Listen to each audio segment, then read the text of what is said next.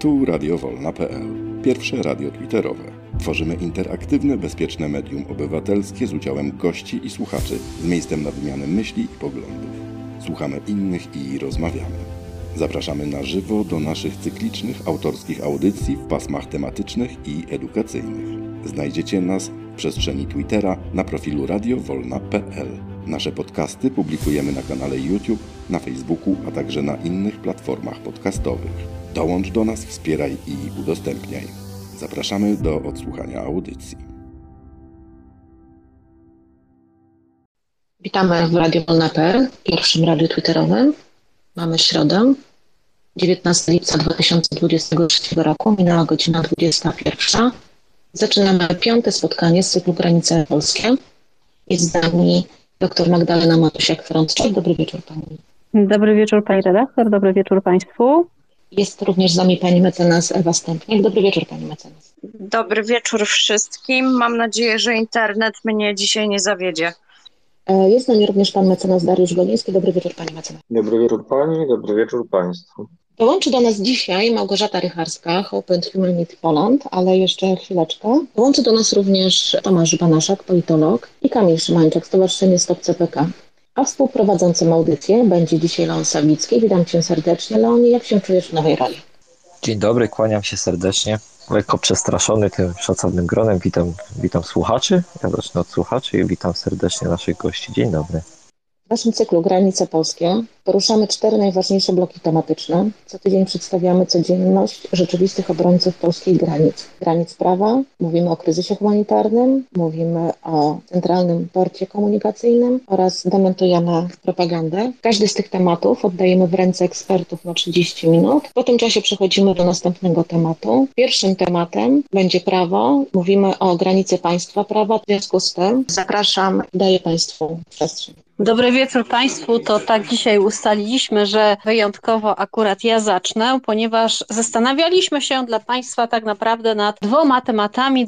Tematem pani Mariki i tematem pani Joanny, który pojawił się wczoraj. I zaczniemy od tematu tego drugiego, czyli tematu e, sprawy pani Joanny i tego, co wydarzyło się na Sorze. Pani Joanna zażyła tabletkę, która miała spowodować aborcję. Zadzwoniła do lekarza, mówiąc, że się źle czuje. Tutaj, jeżeli chodzi o, e, wiemy, że ten lekarz powiadomił policję, tylko nie wiemy dokładnie o czym, czy o kwestii właśnie aborcji, czy o tym, e, czy stwierdził, że pani zamierza popełnić samobójstwo i na oddział SOR przyjechało czterech policjantów, którzy pani Joannie zarekwirowali telefon, laptopa, kazali jej robić przesiady, kasłać, żeby tę tabletkę chyba jakoś, nie wiem, z siebie wykrztusiła, a podobno również nawet dokonali u niej rewizji per rectum, czyli do odbytniczo. I y, no, w tym momencie mamy do czynienia z przekroczeniem tak naprawdę kolejnych granic, jeżeli chodzi o prawa kobiet w Polsce. Takiej sytuacji w Polsce jeszcze nie mieliśmy. Mieliśmy do tej pory ewentualnie no, protesty w sytuacji, jak kiedyś była taka sytuacja czternastolatki zgwałconej przez, przez krewnego, która miała mieć dokonaną aborcję, gdzie były protesty przed klinikami, ale czegoś takiego, żeby policja wykonywała takie czynności, to jeszcze do tej pory nie przeżywaliśmy. I tak naprawdę, no tutaj mamy pogwałconych kilka standardów. Jest wyjaśniane, co ujawnił policji lekarz i czy tutaj nie doszło do naruszenia tajemnicy lekarskiej. Jest na ten moment za wcześnie, no bo jest stwierdzenie, że podobno ten lekarz zgłosił tylko próbę samobójstwa, natomiast no to jak się zachowywała policja nie odzwierciedla tego komunikatu, tak, więc tu już sygnalizuję. Natomiast no to, co zrobiła policja, która odseparowała pacjentkę od lekarzy, tak naprawdę, otoczyła ją kordonem, kazała jej wykonywać jakieś ćwiczenia, ta krwawiła, policja kazała jej zdejmować majtki, dokonywała przeszukania per rectum. Proszę Państwa, to jest poniżające, nieludzkie, okrutne traktowanie poniżające, nieludzkie, okrutne traktowanie jest takim traktowaniem, które jest zabronione w sposób absolutny. To znaczy, że żadne państwo na świecie nie może się tego dopuszczać bez względu na okoliczności. Czyli nawet jak byśmy mieli, nie wiem, kwestie przesłuchiwania groźnych przestępców, terrorystów, cokolwiek, nam nie wolno w ogóle do takich metod sięgać. Tak? No tutaj mamy osobę niewinną, która nie jest podejrzana o popełnienie żadnego przestępstwa,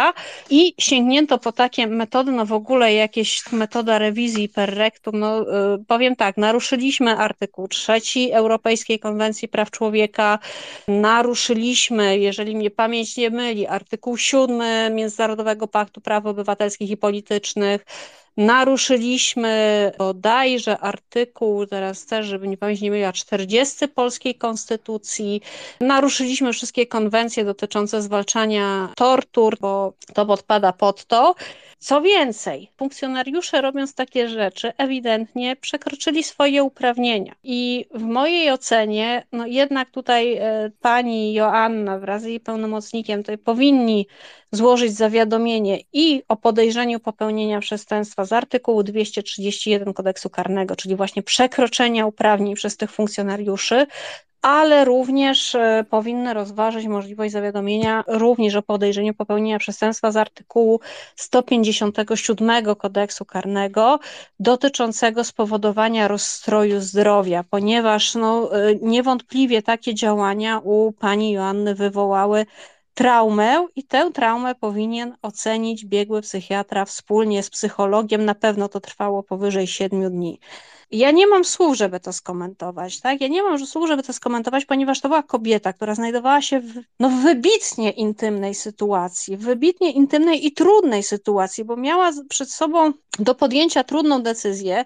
Tak jak wierzyć tutaj z przekazów medialnych, ta ciąża zagrażała jej życiu i no, funkcjonariusze zachowują się w sposób, którego ja nawet no, nie jestem w stanie kulturalnie nazwać, bo zmuszanie takiej kobiety do jakichś ćwiczeń, do robienia jakichś przysiadów, przeszukanie per rectum, kazanie jej zdejmować majtek, kiedy ta w tym momencie krwawi, bo pognęła taką, a nie inną tabletkę, po prostu to jest nieludzkie. Ja nie wiem, gdzie nasze państwo jeszcze dotrze, żeby kobiety, nie wiem, pozbawić praw, zgnębić, ale no powiem tak, faktycznie my przekroczyliśmy kolejną granicę. To jest coś, co do tej pory wydawało się niewyobrażalne, a jednak zostało przekroczone.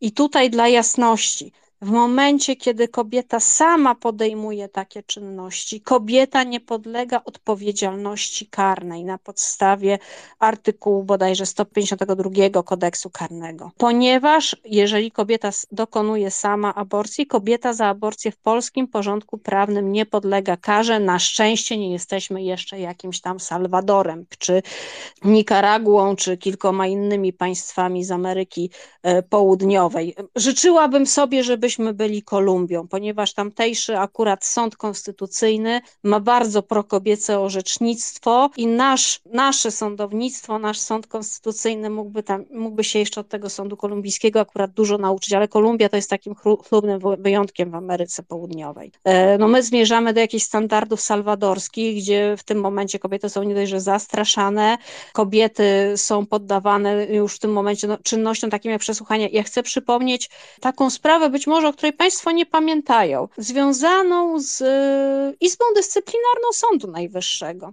W tej Izbie Dyscyplinarnej Sądu Najwyższego znalazł się były prokurator pan Roch. Przez pana Rocha Polska musiała zapłacić zadośćuczynienie kobiecie, ponieważ tenże pan Roch przesłuchiwał tę kobietę w momencie, kiedy ta rodziła. I to zostało właśnie ustalone tak, że przesłuchiwanie kobiety w takim momencie stanowi właśnie okrutne, poniżające, nieludzkie traktowanie jak tortury. I to, co się tutaj stało w przypadku tej pani, ten sposób jej traktowania, policjanci niby pojechali jej, oni twierdzą, że pojechali jej pomóc, żeby ją uratować z samobójstwa. No to jak ją chcieli uratować od samobójstwa, to dlaczego ją izolowali od lekarzy?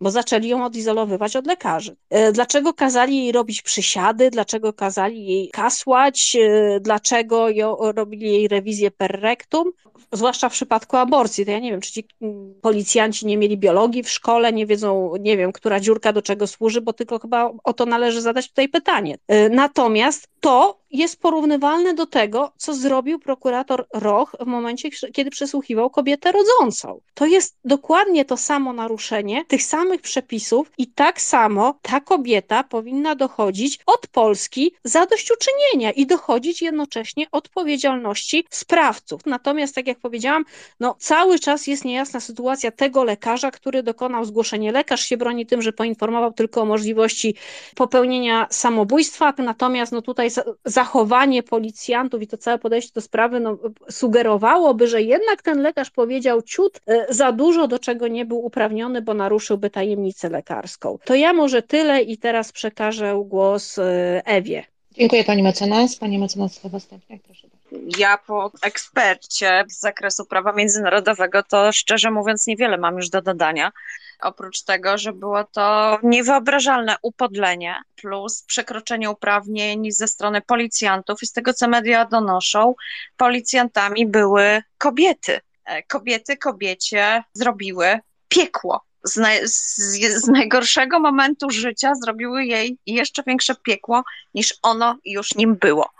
I teraz Słyszałam dzisiaj w TVN wypowiedź, że no taką rozmywającą niejako odpowiedź, yy, odpowiedzialność policjantek, że nie znają prawa. No moment. No, nie znają prawa i idą pracować do policji, nie znają prawa i podejmują się przeprowadzania interwencji. Trochę mnie dziwi, bo ja się nie znam na przykład na usuwaniu wyrostka robaczkowego i się nie podejmuję pracy chirurga i przeprowadzania takich operacji. Prawda? Natomiast y, no, negligencja juris nocet, nieznajomość prawa szkodzi. Skoro panie policjantki nie znają prawa i nie wiedziały, że kobieta nie odpowiada za przyjęcie tabletki poronnej, no to wcale ich to nie tłumaczy. Wcale to nie uchyla ich odpowiedzialności karnej, ich odpowiedzialności odszkodowawczej, o ile e, o taką będzie się chciała ubiegać pani Joanna, bo i to jest niewykluczone, że tutaj e, komenda policji zostanie pociągnięta do odpowiedzialności na gruncie prawa cywilnego bardzo współczuję tej kobiecie. Nie wiem, jak ona się podniesie, ponieważ y, ja to odczuwam jako gwałt, jako zgwałcenie zbiorowe tej kobiety w najgorszym momencie jej życia. Bo to było takie upodlenie i to było takie zniszczenie jej poczucia godności w tym momencie, że no jest to porównywalne ze zgwałceniem zbiorowym. To tyle tylko mogę dodać. Faktycznie taką kwestię można by było rozważyć. Czy to nie doszło właściwie do tego, jeżeli chodzi o, to, e, o tą rewizję, e, o tę rewizję per rectum, czy tutaj faktycznie e, nie doszło do sytuacji porównywalnej ze zbiorowym zgwałceniem? Tak, nie wiem, czy bym szła tak daleko. Na pewno co najmniej mamy artykuł 157 i doprowadzenie tutaj do atak na, atak na integralność cielesną, doprowadzenie do rozstroju zdrowia. Natomiast no to na pewno by wymagało e, właśnie opinii biegłego psychologa i psychiatry o tym, jaki to miało skutek i czy miało rzeczywiście porównywalny skutek ze zgwałceniem. No sytuacja niewątpliwie skandaliczna, nie powinna się wydarzyć i to jest tak naprawdę no, ostatni dzwonek, żebyśmy my coś z tym zrobili, bo później może być już tylko gorzej. Ja pozwolę sobie zadać jedno jedno pytanie. Jak wygląda kwestia emisji zawodowej? E, to już mówię e, jako specjalista od tajemnic zawodowych, bo akurat o tym pisałam w mojej habilitacji, w tym momencie mam ten proces habilitacyjny w toku. Artykuł 40 ustawy o zawodzie lekarza i lekarza dentysty przewiduje tajemnicę zawodową. E, w tym artykule 40 ustęp 2 są przewidziane wyjątki od tajemnicy lekarskiej taka sytuacja nie należy do kategorii tych e, wyjątków tam przewidzianych. No jeszcze jest to prawda artykuł 40 ustęp 2 e, punkt 1, który mówi, że no lekarz jest uprawniony do ujawnienia informacji w sytuacjach przez, prawem, e, przez prawo przewidziane, czyli możemy tak się zastanawiać, czy lekarz tutaj mógł zawiadomić o podejrzeniu popełnienia przestępstwa. Otóż lekarz takiego obowiązku nie ma, bo artykuł 240 kodeksu karnego, który przewiduje karalność za niepowiadomienie o przestępstwie, Y, popełnieniu przestępstwa, przewiduje tylko i wyłącznie karalność, jeżeli to niepowiadomienie do, do, dotyczyło określonych czynów. Aborcja do takich czynów nie należy, więc tutaj, jeżeli lekarz przekazał informację, bo co innego zapobieżenie samobójstwu, tak? Tutaj by się pani doktor mieściła w granicach kontratypu, ale jeżeli przekazała informację o tym, że pacjentka dokonała aborcji, że e, połknęła tabletkę, to przekroczy e, e, granicę tych wyjątków od tajemnicy zawodowej lekarza, no i tutaj ma odpowiedzialność i dyscyplinarną, i odpowiedzialność z artykułu 266 kodeksu karnego właśnie za ujawnienie tajemnicy zawodowej. radiowolna.pl Dziękuję bardzo. Jeszcze jedno pytanie mam. Federa, która w takich sytuacjach pomaga kobietom, bardzo szybko działa, jest skuteczna, prawda? To znaczy zgadza się, to akurat bardzo duże brawa dla Federy. Federa zapewniła e, pani Joannie pomoc prawną i, e, i tutaj już e, udało się pewne czynności zrobić. No, między innymi sąd ustalił, że zabranie pani Joannie telefonu było niezgodne z prawem. Oczekiwana jest decyzja co do laptopa pani Joanny, ale powinna być tak naprawdę tożsama z tym, z tą decyzją, która dotyczyła telefonu. Natomiast właśnie tutaj pytanie pytanie, co dalej i czy będzie pociągnięty wątek prawnokarny odpowiedzialności policjantów i również ewentualnie lekarza, no bo to zależy, jakie informacje zostały ujawnione. Jak wiemy z informacji, która, którą z kolei udzieliła Naczelna Rada Lekarska, to tutaj lekarz, ten, który powiadomił policję, powiadomił policję przez ten powszechny numer alarmowy 112 i z tej rozmowy nagrane jest całe powiadomienie no w związku z czym to będzie sytuacja zero-jedynkowa, więc będzie nagranie i z tego nagrania będzie wiadomo dokładnie, co lekarz powiedział policji, czy faktycznie tylko poinformował o tym, że nie wiem, że boi się, że pacjentka popełni samobójstwo i wtedy faktycznie policja reaguje, stara się odnaleźć taką osobę, powstrzymać ją przed popełnieniem samobójstwa, więc jakby tutaj zarzutu lekarzowi by czynić nie można, czy też właśnie ten lekarz wyszedł ponad to i powiedział, że, że pacjentka e, zażyła środki, które miały spowodować aborcję i tak dalej, i tak dalej. No wtedy wyszłoby, że faktycznie ten lekarz kolei kolei swoje kompetencje przekroczył, ale to będzie wynikało z, z tego nagrania i to będzie sytuacja zero-jedynkowa, bo tego nagrania już się nie zmanipuluje, no chyba, że tak jak w przypadku premier Beaty Szydło, nagranie ulegnie cudownemu zniszczeniu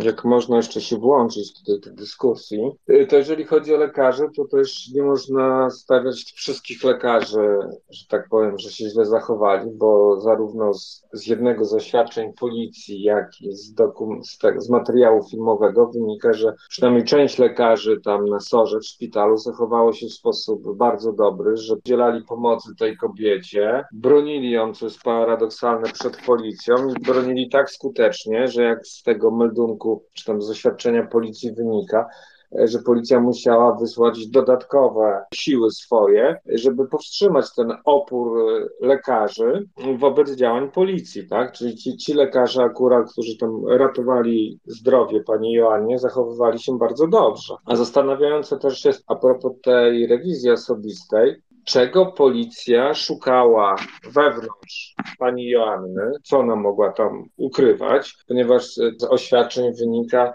że, że mogli tam szukać. Być może, że pani Joanna według policji że przechowywała w swoim ciele jakieś środki celem wprowadzenia do obrotu, bo tak wynika z tej kwalifikacji, jednej z kwalifikacji podanych przez policję. No i pytanie, że też policjanci działają na rozkaz, że to musiał być jakiś rozkaz przełożonego, że przełożony nakazał dokonania takich czynności. I w jakim charakterze była pani Joanna wtedy, kiedy wobec niej wykonywano te czynności question. Jestem przekonany, że nie pouczono o przysługujących jej prawach i po prostu naruszając w sposób już drastyczny, dokonano no, gwałtu, sprowadzono ją do stanu bezbronności, zmuszono do rozebrania, do wykonywania poniżających czynności, ale to trzeba pokazać, że to nie tylko te funkcjonariuszki tego dokonały. Przede wszystkim dokonała tego osoba, która wydała rozkaz tym policjantom. I to też jest bardzo istotne, żeby ta osoba z policji krakowskiej została ujawniona i też, żeby wobec niej było prowadzone jakie postępowanie, żeby później się nie okazało, że tylko ukarani zostaną policjanci, którzy wykonywali rozkazy, a osoby, w którym chorym umyśle urodził się taki pomysł, żeby nakazać wykonanie takich czynności wobec osoby, będą bezkarne. Tu chciałem też wskazać, że nawet w stosunku do osób, u których znajdowane są narkotyki, nigdy nie słyszałem, żeby policjanci w ramach zatrzymania wobec czynności, nawet wobec podejrzanych, dokonywali tak drastycznych sposobów przeszukań. No, przeszukuje się mieszkania, ubrania, ale nigdy nie, nie nakazuje się osobie rozbierać i zaglądać w różne otwory ciała. Tak? No, z takim czymś to jeszcze ja się nie spotkałem. Tu radiowolna.pl Ja pozwolę sobie zapytać. Dzisiaj Federa zachowała się fantastycznie i była na pierwszej linii frontu, ale w jakie miejsce kobieta mogłaby się udać w momencie, kiedy będzie w podobnej sytuacji, a jej stan emocjonalny nie pozwoli szukać dalej pomocy? W tej sprawie jakaś najprostsza droga prawna? To znaczy, ja od razu powiem, kobieta, żeby sobie z tym sama nie radzić, żeby, tego nie przeżywać, nie popełniać jakichś błędów, po prostu jest e, bardzo e, dużo organizacji kobiecych, NGO-sów, które pomagają w takiej sytuacji, aczkolwiek no, bardzo tutaj Ministerstwo Sprawiedliwości e, obcięło finansowanie dla takich fundacji, czy najprościej nawet, tak? Naj, najprościej, co ta kobieta mogłaby zrobić. Może wejść anonimowo na grupę dziewuchy dziewuchom, bo teraz Facebook daje takie możliwości, bo na, na Facebooku. Może napisać anonimowy post, dziewuchy dziewuchom, gdzie się znajduje, że potrzebuje pomocy prawnej, że miała taką sytuację. Na tej grupie bardzo dużo członków to są również adwokaci, y, którzy takiej osobie będą w stanie pomóc, jak również inni członkowie tej grupy będą w stanie takiej osobie zas właśnie zasugerować, gdzie ona może się z tym udać. I tutaj zwracam uwagę na tę nową, nową funkcjonalność Facebooka, która pozwa pozwala takie posty zamieszczać anonimowo, bez ujawniania swojego imienia i nazwiska. I jeżeli ktoś jest w takiej sytuacji, to na pewno taką pomoc prawną, skierowanie do osób, które zajmują się pomocą prawną w takiej sytuacji, czyli nie są prawnikami z, z cyklu Ordo Juris i tak dalej, na pewno dostanie skierowanie, tak? Dostanie, powie do której organizacji, jeżeli w jakimś mieście, to dostanie poinformowana, ewentualnie jaki adwokat czy radca prawny zajmuje się takimi sprawami, tak, żeby, żeby nie została e, z tym sama. Ale na pewno, na pewno to, co musi zrobić, to, nie, to to, że nie może sobie radzić z tym sama.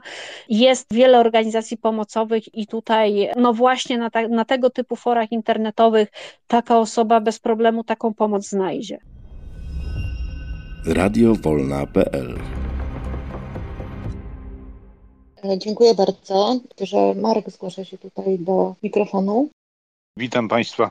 Ja słuchałem tutaj przed chwilą wypowiedź y, pani mecenas o tym naruszeniu tajemnicy lekarskiej. Czy było to zgłoszenie próby samobójczej, czy było to zgłoszenie y, dokonania aborcji. Natomiast no, z tego co ja wiem, próba samobójcza również nie jest w tym kraju karana w żaden sposób i w żaden sposób nie uprawniałaby funkcjonariuszy do zatrzymywania telefonu i laptopa, do takiego traktowania, przeszukiwania, traktowania tej kobiety jak przestępcy. Dodatkowo, nie wiem, może ja się tutaj w tym momencie mylę, ale czy e, takie potraktowanie pani Joanny w sytuacji, w jakiej się znalazła, nawet jeżeli było zgłoszenie ewentualnej próby samobójczej, czy nie było raczej popychaniem do takiego samobójstwa, czyli wywołanie dodatkowego stresu, dodatkowego napięcia, dodatkowego cierpienia, czy tutaj nie mogłoby się przyczynić bardziej do podjęcia takiej decyzji niż do jej powstrzymania? To znaczy powiem tak, jeżeli chodzi o podjęcie takiej decyzji, no to tutaj akurat powinien się wypowiedzieć psycholog, ewentualnie psychiatra na to ostatnie pytanie. Natomiast w kontekście próby samobójczej, żeby było jasne, ja mówiłam tylko w kontekście oceny zachowania lekarza. To zachowanie policji jest niedopuszczalne i tutaj absolutnie nie ma żadnych okoliczności usprawiedliwiających. Jest kwestia odpowiedzialności tego, czy ta lekarz, ginekolog, która powiadomiła policję, czy ona powinna odpowiadać, czy nie. I tylko w tym zakresie odnoszę się do tej próby samobójczej. Jeżeli ta lekarz zadzwoniła do policji, żeby ratować życie pacjentki, bo obawia się, że ta chce popełnić samobójstwo, to to się mieści w granicach prawa. Jeżeli ta lekarz, ginekolog, do której ta pacjentka zadzwoniła, zadzwoniła do policji i powiedziała, że bo pacjentka to dokonała aborcji, to wtedy ta lekarz naruszyła tajemnicę zawodową, naruszyła artykuł 266 kodeksu karnego, naruszyła artykuł 40 ustęp 1 e, punkt, e, ustęp 40 e, usta ustawy o zawodzie lekarza i lekarza dentysty, po prostu naruszyła tajemnicę zawodową. I tylko w tym kontekście my mówimy o próbie samobójczej. Bo to, co policja zrobiła, nie jest i nie może być usprawiedliwione tutaj żadnymi okolicznościami, bo nie ma takich okoliczności, które by, by były w stanie usprawiedliwić to, co policja zrobiła. radiowolna.pl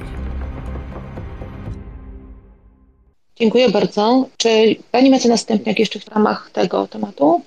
To znaczy, tylko tak króciutko, oczywiście samobójstwo pozwala lekarzowi ujawnić informacje o tym zagrożeniu samobójstwem, prawda? I w tym zakresie, tylko ograniczonym do informacji o samobójstwie, lekarz nie podlega odpowiedzialności ani dyscyplinarnej, ani karnej za złamanie tajemnicy. Natomiast jeżeli lekarka, tak kolokwialnie to ujmę, chlapnęła sobie o przyjęciu pigułki poronnej, no to już złamała przepisy, o których mówiła e, mecenas Matusiak-Frącczak. Także e, to tyle. Natomiast policjantów, niezależnie od tego, czego dotyczyło zgłoszenie, czy samobójstwa, czy tabletki, nic nie usprawiedliwiają, nie podlegają odpowiedzialności, niezależnie od treści zgłoszenia. Dziękuję bardzo. Panie mecenasie? No według mnie już temat był wyczerpany. Tylko te, teraz, tak jak mówiła wcześniej Magda, to nie wiemy, co ta lekarka powiedziała i możemy teraz snuć wiele hipotez. I dopóki te nie zostaną zbadane nagrania na ten telefon alarmowy, co ta lekarka, z tego co ja czytałem, to nie była ginekologka, to była lekarz psychiatra, że ta lekarka co powiedziała, co wskazała, no to nie wiemy dokładnie, co było. Natomiast jeżeli chodzi o te, o kwestie kwestie dotyczące próby samobójczej, no to też wskazuje, że obecność policji to często jest konieczna z tego powodu, że sam lekarz nie może dostać się do mieszkania, nie, nie, ma takich uprawnień, dlatego często też policja jest wysyłana, tak? To jeżeli chodziło tylko o ratowanie życia z uwagi na jakąś obawę po rozmowie, no to taka interwencja nie byłaby naruszeniem tajemnicy lekarskiej. Natomiast kwestie inne, no to już jeżeli chodzi o to, no to tutaj już można, e, można analizować to pod kątem naruszenia tajemnicy. No ale tak jak mówię, że nie wiemy, co zostało powiedziane, tak? A snucie hipotez na, na ten temat to też trochę nie ma sensu z tego powodu, no, no że nie wiemy, co było, tak? Radiowolna.pl ja Państwu bardzo dziękuję za fantastyczną wykładnię prawa. Przechodzimy do następnego tematu. Jest z nami Małgorzata Rycharska, Hope and Humanity Poland. Małgosia jest e, obrończynią granicy człowieczeństwa atakowanej na co dzień przez szowinizm, rasizm, chciwość i homofobię. E, dobry wieczór Małgosiu, witam Cię serdecznie. Dobry wieczór, Aniu. Dobry wieczór Państwu. Wiesz co, ja zacznę od tego zdania, którym mnie przedstawiłeś. Budzi to moje jakieś lekkie zdumienie. Ja wciąż nie mogę się do tego przyzwyczaić, do takiego stawiania sprawy. To znaczy, ja się nie czuję obrończynią granicy człowieczeństwa. Właściwie, szczerze mówiąc, po tych dwóch latach trudno to opisać, co czuję. Bardzo często czuję niewiele, patrząc na to, co, co się dzieje. E, myślę sobie, że w jakiś sposób też e, nie chcę e, używać tego słowa, ale ono jest jednak niestety dość smutno trafne. W jaki sposób przyzwyczaiłam się do tej rzeczywistości. Nie zdumiewa mnie ona, nie, nie wiem, nie, nie przytłacza psychicznie w jakiś taki nagły i dramatyczny sposób. Ciągły po prostu ze zmęczenia tak, natomiast no, to już jest ponad dwa lata. I, I właściwie niewiele się zmienia. I wiem, że powinnam się odnieść do tego czasu z ostatniego tygodnia, z ostatnich dni. Spróbuję to zrobić i pokazać, jak bardzo nic się nie zmienia właściwie w dowolnym, w dowolnym momencie tej sytuacji. Jesteśmy taką no, kilkuosobową, coraz mniejszą grupką, już nawet nie organizacją, bo jesteśmy grupą wolontariuszek Polski, które zdalnie starają się pomagać ludziom wypchniętym z Europy na Białoruś. Ogólnie to są oczywiście ludzie wypychani z Polski, ale, no, ale oczywiście też, też z dwóch pozostałych krajów. Polska i Łotwa są takimi krajami, w których najwięcej ludzi no, nieustannie. No, poprzednim razem, jak u ciebie byłam, mówiłam, wydaje mi się to samo, tak, że jakby te dwa szlaki, Litwa, Litwa właściwie nie istnieje jako szlak z Białorusi, natomiast i Polska i Łotwa mm, to są, to są te kierunki, przez które ludzie próbują z Białorusi uciec albo przedostać się, przedostać się do Europy. No, na taką skalę, na, na, na jaką jest to dla nas możliwe, czyli właściwie no, w porównaniu do, do skali zjawiska niewielką, nieść pomoc humanitarną, która czasem oznacza informowanie ludzi, w jaki sposób mogą skontaktować się z bezpiecznymi lekarzami, w jaki sposób mogą się przedostać do miasta. Staramy się też zapewnić bezpieczne schronienie i, i jedzenie ludziom, którzy sami nie mogą sobie na to pozwolić. No, tym, którzy zostali no, najczęściej wielokrotnie wypchnięci już przez Europę z powrotem na Białoruś. I, i wracając do tego, jaka jest sytuacja, to, to ludzi na Białorusi jest bardzo wielu i trudno ocenić oczywiście ilu. Staramy się y, jakoś to szacować no, ale to jakby nie, nie, jest to żadna metoda badawcza, tylko po prostu wypytujemy osoby, z którymi mamy kontakt, które tam są, jak oceniają, ile jest ludzi w Mińsku, ile nowych ludzi się pojawia, przynajmniej no, z, z, tych grup narodowościowych, z którymi mają kontakt i jakoś, jakoś staramy się y, dowiadywać, ile ludzi jest teraz na przykład w, w pasie przygranicznym i to są nieustannie bardzo duże liczby. Teraz w pasie przygranicznym między y, Polską, polskim płotem a białoruską no, na nowo może być przynajmniej kil kilkaset osób. Pojawiają się też informacje, że y, jakby w sumie od północy na południe może być nawet tysiąc osób. No i jest to możliwe, bo te skupiska w tych najbardziej popularnych miejscach do których ludzie próbują się dostać, czyli na wysokości puszczy i trochę tam niżej, są duże skupiska ludzi. To jest jedna taka liczba. Ludzie wciąż, mimo wojny i mimo tego, co się dzieje na, na Białorusi, wciąż e, przybywają nowi. Może już trochę mniej teraz niż, niż to było na wiosnę, ale no, nieustannie ktoś przez Moskwę się przedostaje i, i dociera do Mińska. No i to są wszystko ludzie, którzy no, przybyli w tym celu na Białoruś, żeby, e, żeby iść dalej. I wciąż jest sporo ludzi, którzy są tam bardzo długo i, i nie mają wyjścia. No my jakby mamy nadal kontakt z takimi osobami, które są ponad rok, ponad półtora roku i nie są w stanie, e, nie są w stanie się stamtąd wydostać. I to są też rodziny z dziećmi, kobiety, nastolatkowie bez, bez opieki. No jakby cały przegląd tak, jak było wcześniej, tak, jak, tak jest i teraz. No i to, co się nie zmienia, to jest przemoc. I o tym właśnie chciałam trochę może więcej opowiedzieć. Ta przemoc ze strony i służb białoruskich, które wciąż biją ludzi, jakby, no, biją naprawdę bardzo mocno i szczują psami. To jest taka typowa kara czy zachowanie służb białoruskich wobec ludzi, która się nasila, gdy tych ludzi jest w tym pasie przygranicznym wielu. To też widać, że oni tracą cierpliwość, tak? Że jak, jest, jak było ich mniej, to, to też ci ludzie łatwiej wywracali do miast, po prostu dostawali zgodę na, na wyjście, natomiast gdy jest ich bardzo, bardzo wielu, to, to Białorusini się też trochę inaczej zach zaczynają zachowywać. Natomiast ta przemoc jest też po polskiej stronie. Ona była też wcześniej, chociaż wydawało nam się przez długi czas, że ona nie jest aż tak intensywna. Natomiast po polskiej stronie, i to jest taka rzecz, no, w tym tygodniu słyszałam o kilku takich grupach, w poprzednim tygodniu również, że e, Polacy zaczęli rozbierać to się też zdarzało wcześniej, ale no, w, w tym tygodniu i w poprzednim jakoś no, naprawdę wyraźnie więcej takich, takich informacji do mnie doszło, że e, polskie służby przed wypchnięciem na Białoruś kazały rozebrać się do bielizny i do skarpet i bez butów i bez ubrań i również bez rzeczy, tak? No bo także plecaki, torby są zabierane. Po prostu e, ludzie są wypychani z powrotem na Białoruś. Czyli bez telefonów, tak jak wcześniej telefony były niszczone, to teraz ludzie zostają bez telefonów, bez śpiworów, bez rzeczy w torbach, często bez dokumentów, które gdzieś były w tych torbach, ale dodatkowo bez ubrań. No i ja się nad tym zastanawiam, moment Państwa prawników, zastanawiam się nad tym, e, bo to jest no, taki rodzaj przemocy, który jest może nie, nieoczywisty, ale zastanawiam się, jak w świetle prawa takie zachowanie, jak odebranie mienia, odebranie telefonu, odebranie paszportu, tak, bo z tym się też spotykam bardzo często, że ktoś wraca jakimś cudem do Mińska i pyta, czy jest możliwość odzyskania paszportu, który został skradziony razem z plecakami przez Straż Graniczną. A dodatkowo teraz bez ubrań. Jak, jaką kwalifikację może mieć takie zachowanie? radiowolna.pl Zaraz to może ja, jeżeli to jest Mhm. teraz pytanie.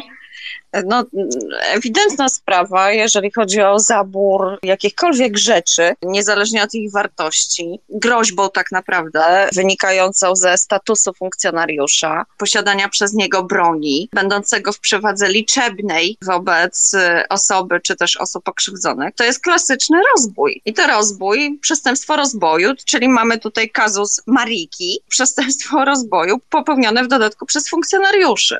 Jeżeli chodzi o przestępstwo zaboru dokumentów, to jest to przepis odrębny, odrębne przestępstwo, przy czym jest oczywiście lżej karane, jest niższa sankcja niż za przestępstwo rozboju, które zaczyna się od lat dwóch. Jest to kara bezwzględna pozbawienia wolności. Także takie osoby, czy też ich pełnomocnicy powinny składać zawiadomienia o przestępstwie mm, i prowadzić postępowania. No, no właśnie, aczkolwiek nikt tego nie robi. Nikt tego nie robi, ponieważ wszyscy się boją, bo dopóki są na Białorusi, znaczy no, nie, nie jest w e, poważniejszych sprawach, tak? Ja mówię teraz o tej kradzieży mienia, e, pozbawieniu dokumentów, no ale sytuacje z ciężkim pobiciem przez, jakby dokonanym przez, przez polską stronę, też było takich sytuacji dużo. Nawet w takim wypadku ci ludzie boją się cokolwiek zrobić, ponieważ dopóki oni są na Białorusi, no to nie są bezpieczni. Druga rzecz jest taka, że nie ma żadnego dowodu na to, że oni byli w Polsce. Nikt z tych ludzi, o których mówię, tak, ci, którzy zostali okradzeni czy pobici, jakby nie, nie został sporządzony ten dokument e, nakazujący opuszczenie teren, znaczy re, rejestrujący to odprowadzenie do linii granicy. W związku z tym nie ma śladu. Straż Graniczna odpowie, że tych ludzi nigdy nie było. Tak samo jak odpowiadali już nie raz, gdy był ktoś poszukiwany, kto, kto był pushbackowany później i odnaj- odnajdywał się po stronie białoruskiej. Więc to jest taka trochę, to jest takie błędne koło właściwie całej tej sytuacji przygranicznej, tak, że wszystko dzieje się jak się działo, ale nikogo nie można złapać za rękę. Właściwie niewiele można udowodnić, ponieważ y, poszkodowani nie będą zeznawać, póki są na Białorusi, ale też nie znają nazwisk, nie mają dowodu na to, że byli w Polsce. No i cóż oni mogliby zrobić? Być może mają y, lokalizację, gdzie to się działo, tak, że jakby są w stanie wskazać, w którym miejscu, w związku z tym po lokalizacji i po dacie może można byłoby ustalić, jacy fun- funkcjonariusze z danej jednostki Straży Granicznej mogli być podczas tej interwencji, ale nic więcej. No i to jest jakby jedna z rzeczy, które się dzieje, no bo oczywiście cały czas dzieją się te rzeczy grubszego kalibru, jeśli można tak ująć, czyli no nie, nieustannie ludzie są pushbackowani. No Jakby z, z, z ostatnich jeszcze dni no, są takie dwa interesujące artykuły w prasie, które, które też mi dają do myślenia, bo znowu nas to, nas to nie dziwi, ale y, można sobie po, popatrzeć y, na reakcje ludzi, nawet te przyjazne, których jest sporo. Mówię o artykule Adama Wajraka w Wyborczej, artykule Krzyśka Boczka w Oku e, z ostatnich dni. Adam opisuje sytuację i to, jak bardzo dziurawa jest granica i właściwie jak, jak ten taki świat alternatywny, który się tam wytworzył, jak on działa i funkcjonuje, no jakby nieustannie w ten sam sposób. Ludzie przychodzą, starają się być nie, niezauważeni, są pushbackowani, k- krążą w tą i z powrotem. Y, Lokalsi starają się nieść pomoc i aktywiści, właściwie nikt poza tym się tym nie interesuje. Natomiast y, Krzysiek y, opisał taki akt przemocy człowieka, starszego mężczyzny, który widział, jak Straż Graniczna katuje chłopaka, właściwie na oczach, na, na, na jego oczach, tak, na, na oczach mieszkańca, mieszkańca. I to też pokazuje, że to jest po prostu możliwe i to się dzieje. No i właściwie jedyna rzecz, tak, jakby z tych czasów, z tych, z tych ostatnich dni, która, która jest trochę może inna, no to jest ten niepokój, który jest wywoływany e, informacjami na temat przeniesienia się na Białoruś grupy Wagnera. Szczerze mówiąc, jakby po stronie tych naszych kontaktów z ludźmi, którzy są na Białorusi, my nie widzimy efektu tego, tego niepokoju. Oni po prostu i tak się boją wojny, tak? Jakby ci ludzie, z którymi rozmawiamy, którzy są gdzieś tam pochowani po mieszkaniach i starają się nie być złapani, deportowani czy aresztowani, oni i tak się boją wojny i ta wizja działań wojennych, przeniesienia się linii frontu. Czasem, jak nie usłyszą jakiś samolot czy jakieś, jakieś, jakieś doniesienia, to widać, jak bardzo to dla nich działa i są, są gotowi właściwie, w, w, jakiś sposób są gotowi, że tam, że tam się zrobi bardzo źle. Natomiast po naszej stronie też widać, tak, jakby te siły, które się e, zostały wysłane na granicę i całą tą narrację szykowania się na nie wiadomo jaki atak. Prawdopodobnie to jeszcze jakby spowoduje, że, że Podlasie będzie, będzie jeszcze jakby mroczniejszym i cięższym miejscem do, do, do bycia i do pomagania ludziom. Właściwie nie wiem, co, co mogłabym jeszcze dodać. Jedna rzecz mi jeszcze, taki wątek yy, przyszedł, trochę związany z tym takim na, no, chronicznym naszym zmęczeniem i jakimś tam przy, przywyknięciem do tego, w, w, sumie, że, jest, jesteśmy zamknięci w takiej bańce. Ja, ja mam takie uczucie, że została garstka osób, która próbuje coś zrobić. Wszyscy są potwornie zmęczeni. Co i raz komuś puszczają nerwy z tego powodu.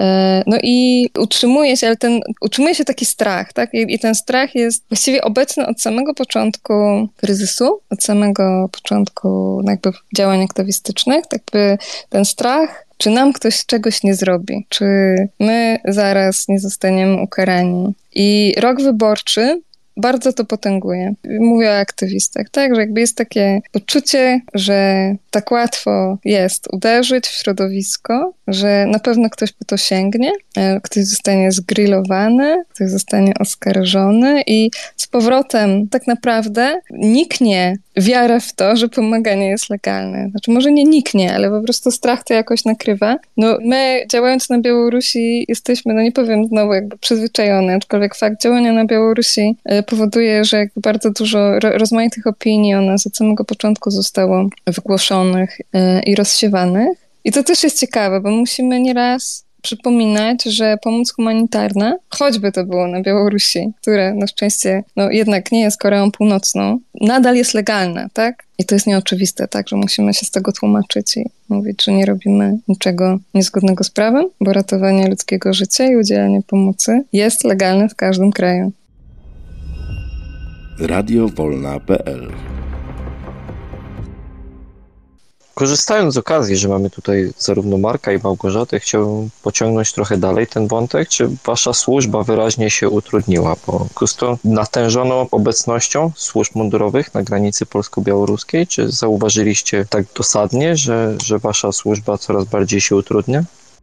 Ja nie jestem przy granicy, tak? Jakby ja nie działam fizycznie przy, przy granicy, tylko jakby nasza pomoc jest, jest zdalna. W związku z tym ja nie odpowiem na to, jak w terenie. W, w moim wypadku nie ma zmiany, po prostu w moim, w moim wypadku to zawsze, zawsze było trudne. Natomiast no, to, co widzimy od jakby ekipy, choćby popchu, tak, ludzi, którzy są, są na miejscu, to wydaje mi się, że po prostu, znaczy, z jednej strony jest tak, że jakby jest teraz z jakiegoś powodu mniej zgłoszeń, jeszcze jakiś czas temu, chyba w maju, było bardzo dużo ludzi w lesie i było kilka jakichś takich, było kilka takich sytuacji, w których zdaje się, że Białorusini w jeden w pojedynczym dniu byli w stanie przepchnąć na siłę kilkaset osób. Tak? I wtedy, wtedy po prostu tych zgłoszeń było bardzo dużo. Teraz jest zasadniczo mniej, więc wydaje się, że po prostu ludziom nie udaje się aż tak tłumnie przechodzić.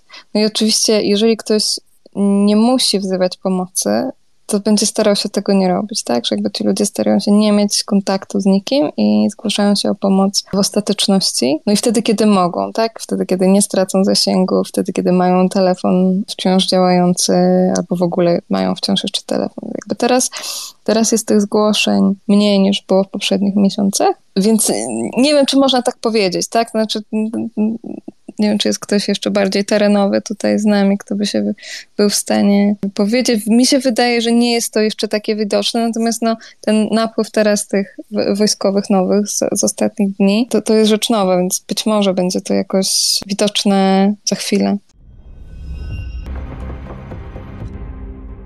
No, moja relacja też nie jest z terenu, ponieważ ja nie jestem przy samej granicy, natomiast z rozmów koleżankami, kole, kolegami z POP są te informacje o wzmożonej obecności służb, co może powodować mniejszą ilość zgłoszeń, bo ludzie po pierwsze się boją zgłaszać, tak jak Gosia przed chwilą mówiła, po drugie mamy informację, że bardzo dużo grup jest łapanych. Do nas trafiają czasami informacje z innych krajów, członków rodzin tych osób wypchniętych, które proszą o albo ustalenie, czy te osoby zostały zatrzymane przez y, polskie służby, albo informują, że po prostu są na Białorusi i, i proszą o pomoc po tamtej stronie płotu. No wtedy przekazujemy sprawę Gosi i, i osobom z y, Hope. E, ta ich praca jest po prostu nieoceniona. Natomiast y, to ostatnio nawet Mariusz, człowiek lasu, wspominał o tym, że Podlasie świeci pustkami z powodu ciągłych kontroli, ciągłych y, przeszukań pojazdów, zatrzymywania, dolegitymowania każdego, kto tam cię tylko porusza. Chciałbym jeszcze nawiązać do dwóch artykułów, o których Gosia wspomniała, czyli tym artykule w Gazecie Wyborczej Adama Wajraka. Must read. Każdy, kto, kto będzie miał okazję, zachęcam zachęcam do przeczytania tego y, felietonu, bo tam jest oprócz takich informacji na temat tego, co się dzieje na granicy, jest bardzo głęboka analiza y, skutków działania obecnego rządu i prowadzonego przez, nie, y, przez ten rząd polityki migracyjnej, w zasadzie braku tej polityki migracyjnej. Stworzenie między innymi takich zagrożeń, jak to y, jedna z rzeczy, która mi utkwiła z tego felietonu, zniszczenie naturalnej zapory w postaci Puszczy Białowieskiej, gdzie przez budowę tego płotu stworzenie sieci dróg dojazdowych dla ciężkiego sprzętu i wojskowego i budowlanego do, do budowy tego płotu stworzono również drogi, którymi z terenu Białorusi wojska będą mogły się później ewentualnie w głąb naszego kraju bardzo łatwo przedostać. Stworzono im jak gdyby szlaki do przeprowadzenia ataku. A w nawiązaniu do artykułu Okopres w sprawie tego pobicia ciemnoskórego e, człowieka przez e, umundurowanego Polaka, mam informację, że do tego świadka dotarł Piotr Traban. Na jego kanale niedługo powinna się pojawić e, rozmowa z tym, z tym człowiekiem i z tego, co Piotr przekazywał, udało mu się tego człowieka nakłonić do złożenia zawiadomienia o popełnieniu przestępstwa na policji w sprawie, w sprawie tych mundurowych, którzy tam y, leżącego, skutego na plecach, z rękami na plecach człowieka kopali, bili pięściami i maltretowali w ten sposób. Także to ode mnie tyle. Dziękuję. Ja pozwolę sobie jeszcze dodać, zawsze do tych audycji podrzucam zrzutkę. Pamiętajcie, że rozmawiamy dzisiaj z wolontariuszami. Ci ludzie pracują w 100% z tego, co uda im się uzbierać na zrzutkach. Serdecznie Was zapraszam do tego. I teraz tam Tomasza Banaszaka, który do nas dołączył. Radiowolna.pl Najpierw się chciałem spytać y, Markusa i Małgorzaty o postawy naszych policjantów granicznych. Czy tam się ktoś wstydzi, czy to już jest robione z taką pełną świadomością tego, że im wszystko wolno? To jest, to jest znów trudne pytanie, tak ja się nie, nie patrzyłam tym ludziom w oczy. Znam to z, znowu z relacji ludzi w drodze, że postawy są różne i czasem zdarzy się ktoś, kto jest ludzki i zdarzy się ktoś, kto po prostu odwróci oczy i popatrzy w niebo i po prostu nie zauważy i zdarzy się taki ktoś, kto pomoże. I w sumie takich historii o takich aktach człowieczeństwa trochę żeśmy słyszeli, słyszały po obydwu stronach granicy, po, po białoruskiej również. Ale ja też sobie zadaję pytanie, jak ci ludzie mogą żyć, jak oni to e, dźwigają. Na przykład takie decyzje, znowu wracam myślami do sprawy Machle, rozmawialiśmy o tym poprzednim razem, tu byłam. To jest ta sprawa 28-letniej Etiopki zostawionej na śmierć, mimo że i policja, i Straż Graniczna wiedzieli, gdzie ona jest. Było to 600 metrów od miejsca, w którym jej koledzy przekazywali informację, że ona tam leży umierająca i nie pojechali po nią. Zastanawiam się, no jak ci ludzie mogą to dźwigać? No bo to, że ja mówię, że myśmy się jakoś przyzwyczaili, ale też mówię, że jesteśmy śmiertelnie zmęczeni. No, ci funkcjonariusze też są w tej sytuacji od dwóch lat. Jakoś muszą sobie to racjonalizować, żeby dalej być i służyć i wykonywać rozkazy, wracać do domu i prowadzić życie. No jeśli ja mogę w takim razie, mm. panie Tomaszu, zachęcam pana do e, przeczytania e, książki Mikołaja Grünberga Jezus umarł w Polsce. Tam są rozmowy z dwoma funkcjonariuszami Straży Granicznej, którzy starają się wyjaśnić przyczyny swojego postępowania. To jest stare norymberskie tłumaczenie, takie mamy rozkazy, to jest tłumaczenie, bo mam kredyt, to jest tłumaczenie w stylu, y, bo my bronimy ojczyzny, także większość z tych funkcjonariuszy niestety uważa, że czyni dobrze i że mają prawo tak postępować i że takie mają rozkazy, więc nie będą z nimi dyskutować. Rzeczywiście są przypadki tego odwracania wzroku, o których Małgosia przed chwilą wspomniała, ale z tego co wiem są bardzo nieliczne. Ja jeszcze może dodam, że oszczędziłam Państwu opisów, e, ale może teraz e, dodam, tak? Jakby jedna z tych grup e, rozebranych do, do majtek wróciła dzisiaj, udało im się w końcu po dwóch tygodniach wyjść jakoś z tego pasa. Oni przynajmniej dwa razy jakoś, chociaż na chwilę pojawili się w Polsce i e, jeden raz był już po bardzo silnym pobiciu przez Białorusinów i po, po, e, po pogryzieniach. Czyli oni mieli takie. Dostałam zdjęcia, no to naprawdę no, niezbyt apetyczne zdjęcia ran, szarpanych i siniaków, i mimo tego, w jakim byli stanie, zostali rozebrani i wypchnięci. To jest ta, to jest ta grupa, o której mówię. E, jak na ironię, bo to jest trzech mężczyzn z Pakistanu, jak na ironię dwóch z nich jest lekarzami. Oni u siebie w kraju mieli praktyki lekarskie. E, no ale zostali wypchnięci z powrotem na Białoruś. E, a druga grupa Syryjczyków, sześcioosobowa, która też dostałam filmy i zdjęcia, jak stoją w bokserkach i w takich wkładkach e, od kaloszy, takich e, fil filcowych, bo to im zostawiono. No też e, jeden z nich ma tak rozległe siniaki po pobiciu, przy czym ponoć to znaczy powiedzieli, że to pobicie było po polskiej stronie dokonane, tak, że po prostu no, całe uda są sino-fioletowe.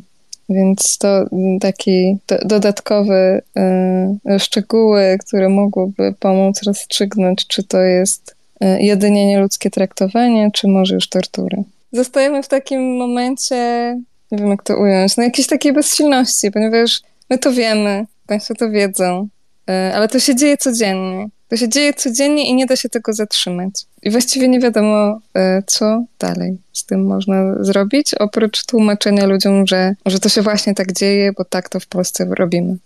Proszę, Pani mecenasowa wstępniak, tak? Pani, pani Małgorzaty, ja słyszę w głosie to potworne zmęczenie, e, ten smutek i takie spalenie emocjonalne, że tutaj już nie ma krzyku rozpaczy, bo nie ma na to siły. E, I powiem tak, to obserwowanie okrucieństwa i to no, taka bardzo głęboka refleksyjność, czyli nawet współczucie do ludzi, do sprawców okrucieństwa, jak oni mogą z tym żyć, to świadczy o niesamowitej wrażliwości i wartości człowieka, ale na marginesie, jako adwokat przez kilkadziesiąt lat obserwowałam reakcję racjonalizowania okrucieństwa. Zresztą historia na to wskazuje. Przecież krzyżowcy e, traktowali jako wielką cnotę, prawda, chrześcijańską, e, zabijanie innowierców. E, przecież cnotą było palenie czarownic na stosie. Przecież e, są takie reakcje, racjonalizowanie właśnie no, swojej bezduszności czy okrucieństwa, że e, sprawcy czynów przestępczych najbardziej nienawidzą osoby skrzywdzone, czyli próbują przedefiniować siebie, sprawcę, jako ofiarę, a rzeczywistą ofiarę jako sprawcę. I uważam, że przynajmniej część strażników właśnie w taki sposób racjonalizuje.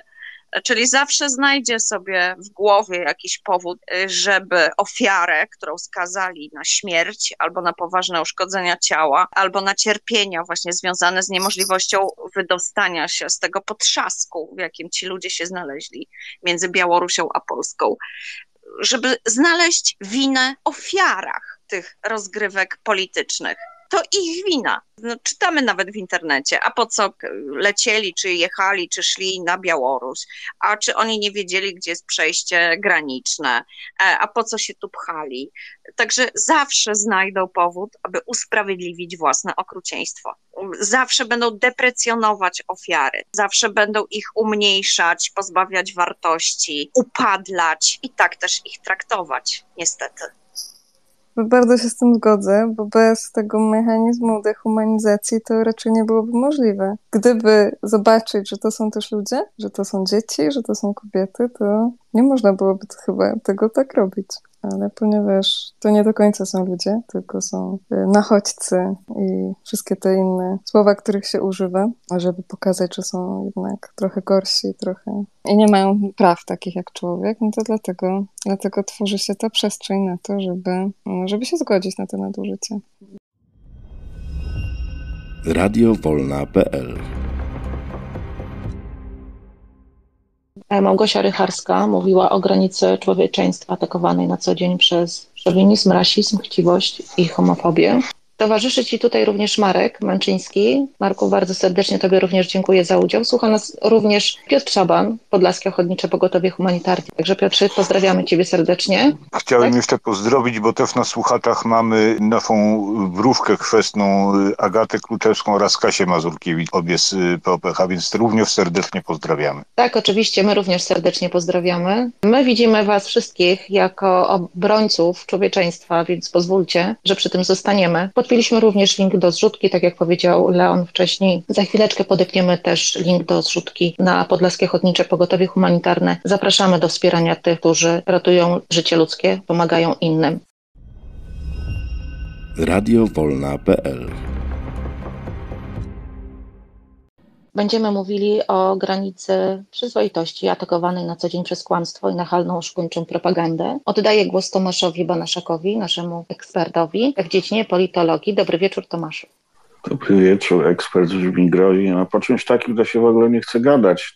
Ale okej, okay, wszystko się składa w jakiś trochę bardziej ogólny obraz, jeśli się to jakieś te kropki połączy. Tak jeszcze sobie przypomniałem właśnie, ile razy słucham o tej sytuacji na granicy, to przypomina mi się sławny cytat Himmlera do, z przemówienia do SS-manów w Poznaniu. Możemy być dumni, w końcu wyrzekliśmy się sumienia. Tak, no to jakoś właśnie, e, jakoś tak to brzmi niestety. Właściwie nie wiadomo, co z tym fantem zrobić. No ale okej, okay, próbujemy coś powiedzieć. Reset nieszczęsny, którego już w ogóle nie miałem ochoty oglądać, ale jakoś z, z, pogoniony przez towarzystwo obejrzałem dwa ostatnie odcinki. Reset robi się coraz nudniejszy, coraz wyraźniej widać jakby cel, do którego zmierza, czyli na końcu Smoleńsk, prawda, i tak dalej, i tak dalej. To się chyba gdzieś tam jeszcze jakoś wyjaśni. Przedostatni odcinek był dosyć nudny, dotyczył wydarzeń w Gruzji. Właściwie niewiele się w nim działo. Ostatni był trochę ciekawszy, ale już też nie ze względu jakby na, na że tak powiem, mistrzostwo propagandowe, Chociaż ono tam jest niestety, niestety mówię to ze smutkiem, no bo, no bo z czego się tu cieszyć, że oni są tak sprawni. No ale tak to czasami bywa, że w takich programach autorzy się zapędzą z lekka i odsłonią trochę własnej mentalności, nie za bardzo sobie nawet zdając sprawę, jak bardzo, jak bardzo się kompromitują. E, I to jest właśnie przykład, przykład tego ostatniego odcinka Resetu, gdzie omawia się różnego rodzaju dokumenty z relacji polsko-rosyjskich, rosyjsko-polskich. Wszystkie oczywiście podbudowane groźną tezą o tym, że Tusk się podlizywał Putinowi. Człowiek czyta te dokumenty. Są to mniej więcej standardowo brzmiące dokumenty dyplomatyczne. Jest tam jeden podkreślony czarnym drukiem, wytłuszczony, opisujący list. Tusk napisał do Putina, gdy Cimoszewicz miał szansę na objęcie szefa Rady Europy bodajże. Tusk napisał Taki dosyć standardowy list do Putina z prośbą o poparcie, zakończony jakąś kurtuazyjną formułą. Ten list został przedstawiony praktycznie jako zdrada Polski. Jak to Tusk śmiał w ogóle w grzeczny sposób odzywać się do Putina i go o coś prosić. Tak? Jako zachowanie e, właściwe, takie pra, dla prawdziwego Polaka zostało przedstawione zachowanie Lecha Kaczyńskiego z Sopotu, który, jak pamiętamy, e, z miną napuszonego ziemniaka przemaszerował przed lekko osłupiałymi Putinem i Merkel. No, można by się z tego pośmiać. Gdyby właśnie nie to, że to się wszystko składa jakoś większą całość, która no też niestety gdzieś tam w drobnym fragmencie pasuje i do tego, o czym dzisiaj była mowa. No bo czego się dowiadujemy z tej narracji? Otóż dowiadujemy się, że normalne relacje dyplomatyczne są B, tak? Prawidłowe jest pokazywanie, że jest się napuszonym, nabzdyczonym, niegrzecznym, niekurtuazyjnym, pominięcie jakby wszystkich, no nawet stosowanych w kontaktach z najgorszymi politycznymi łajdakami kurtuazyjnych form.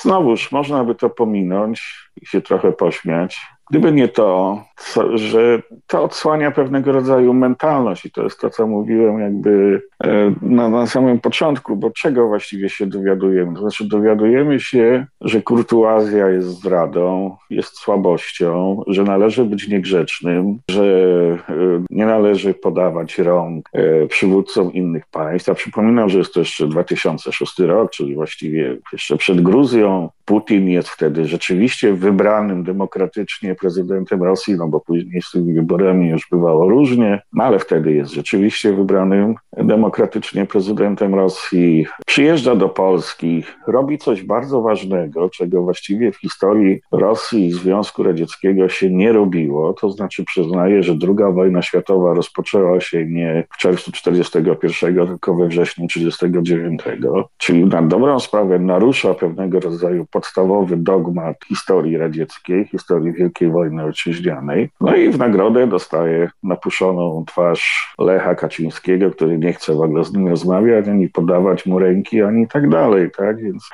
no taka właśnie mentalność z tego wychodzi.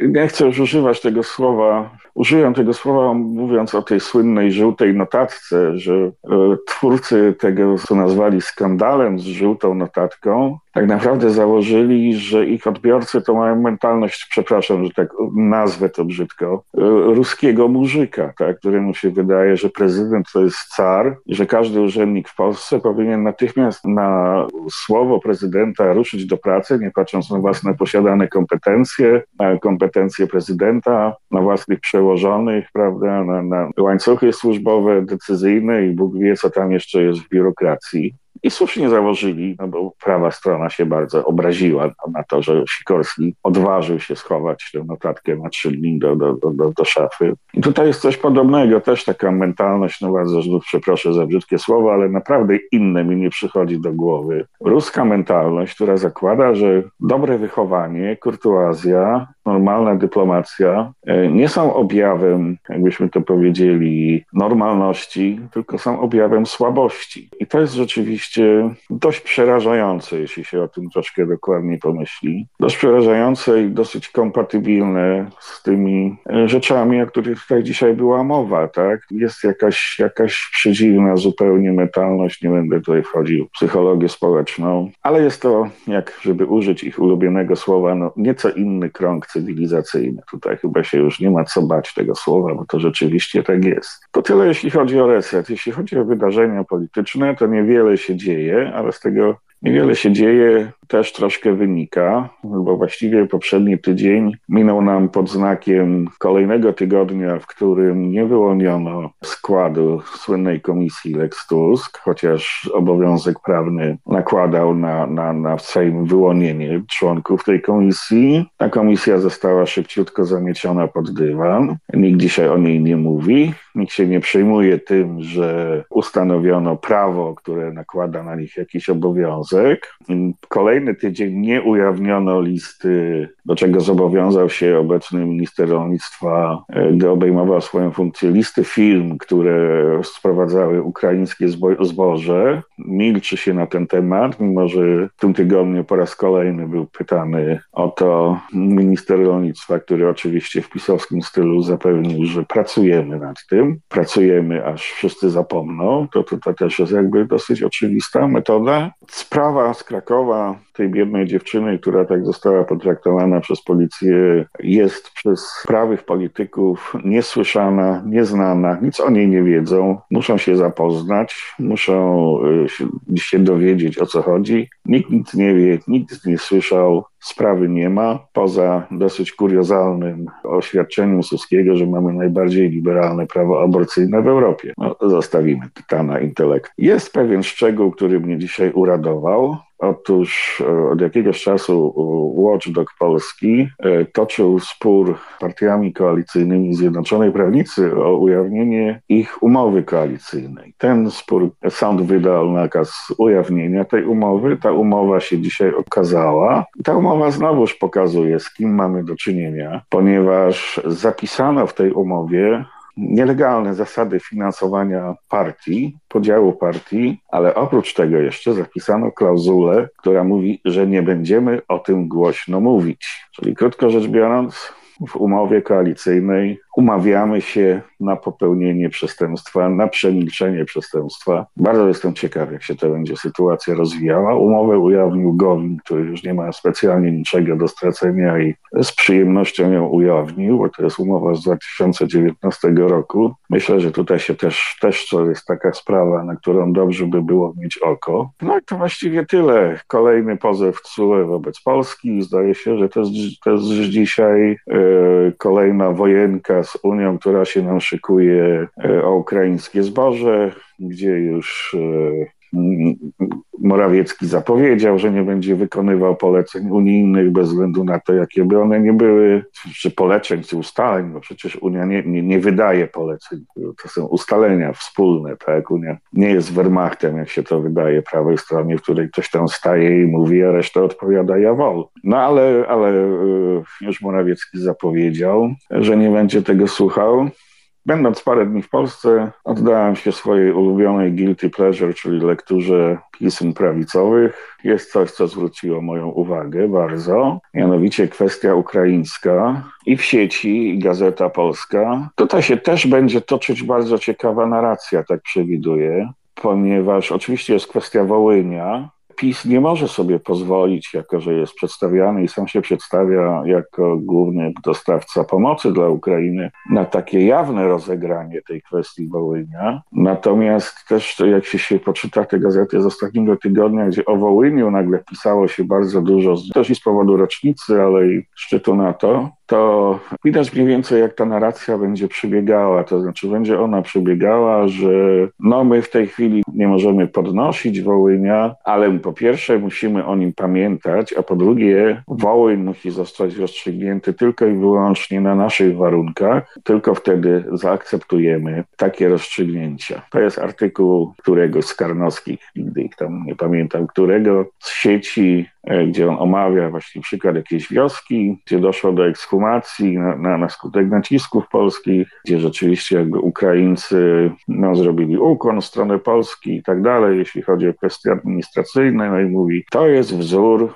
jaki my to musimy rozstrzygać. W podtekście oczywiście jest powiedziane, musimy to rozstrzygać na nasz sposób, nie słuchając argumentów strony ukraińskiej, bo do tego się mniej więcej ten tekst sprowadza. Czyli widać, że tutaj PiS będzie miał kłopot i ma kłopot. Z jednej strony nie może odstawić Wołynia, ponieważ naraziłoby to go na utratę poparcia, czy jakimś przynajmniej lekki znak zapytania ze, ze strony swoich prawych, którzy mają, y, że tak powiem, bzika na punkcie Wołynia, ale z drugiej strony nie chce nie może sobie pozwolić na to, by po prostu załatwić Wołyń w cywilizowany, jakiś dogadany przez obie strony sposób. Tutaj pisowski musi być na wierzchu. Jak to pisze Karnowski, można to załatwić tylko tak, by to Polacy byli tą stroną, która daje ostatnie słowo e, w kwestii Wołynia. Ciekawy wątek, też będę miał na niego oko, jak on się rozwija. E,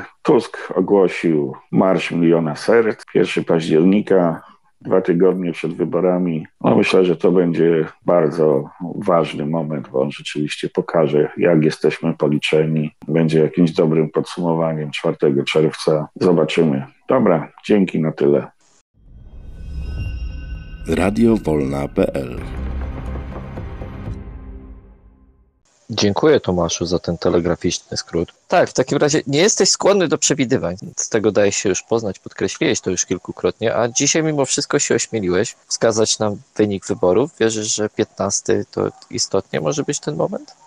A to jest akurat rzecz, której ja się nie, nie odważę przewidzieć. Zawsze mówiłem, że PiS jest z polskiej duszy, on ma autentyczne poparcie. To nie jest poparcie udawane, zmanipulowane, które odpadnie, ponieważ PiS się zachowa raz czy drugi źle. To jest autentyczne poparcie i ja tutaj nie. To jest akurat rzecz, którą nawet, że tak powiem, palcem nie dotknął, żeby to spróbować przewidzieć. Natomiast optymistyczne oczywiście tendencje w tej chwili są fajne, sympatyczne. PiS cały czas nie może odzyskać energii. Wszyscy widzieliśmy to, to śmieszne śmieszny spęd z Kaczyńskim w czapeczce, o którym nawet sam PiS po trzech godzinach zapomniał. Nie mają pomysłu, walą w Tuska i, że tak powiem, im bardziej nie wychodzi, im bardziej nic z tego nie wynika, tym mocniej walą, tak? I niech walą, bo to znaczy, że nie, ma inne, nie mają innego pomysłu, a każde takie walenie w Tuska jednak mobilizuje naszą stronę, więc niech Brudziński wali w Tuska wszystkim, co ma, z głową łącznie, to tylko nam robi dobrze, że tak powiem. Natomiast jak się to skończy, nie, nie, beze mnie. Tutaj bym nawet trzech groszy nie, nie położył na wynik. Także nie, nie odpowiem Ci na to pytanie.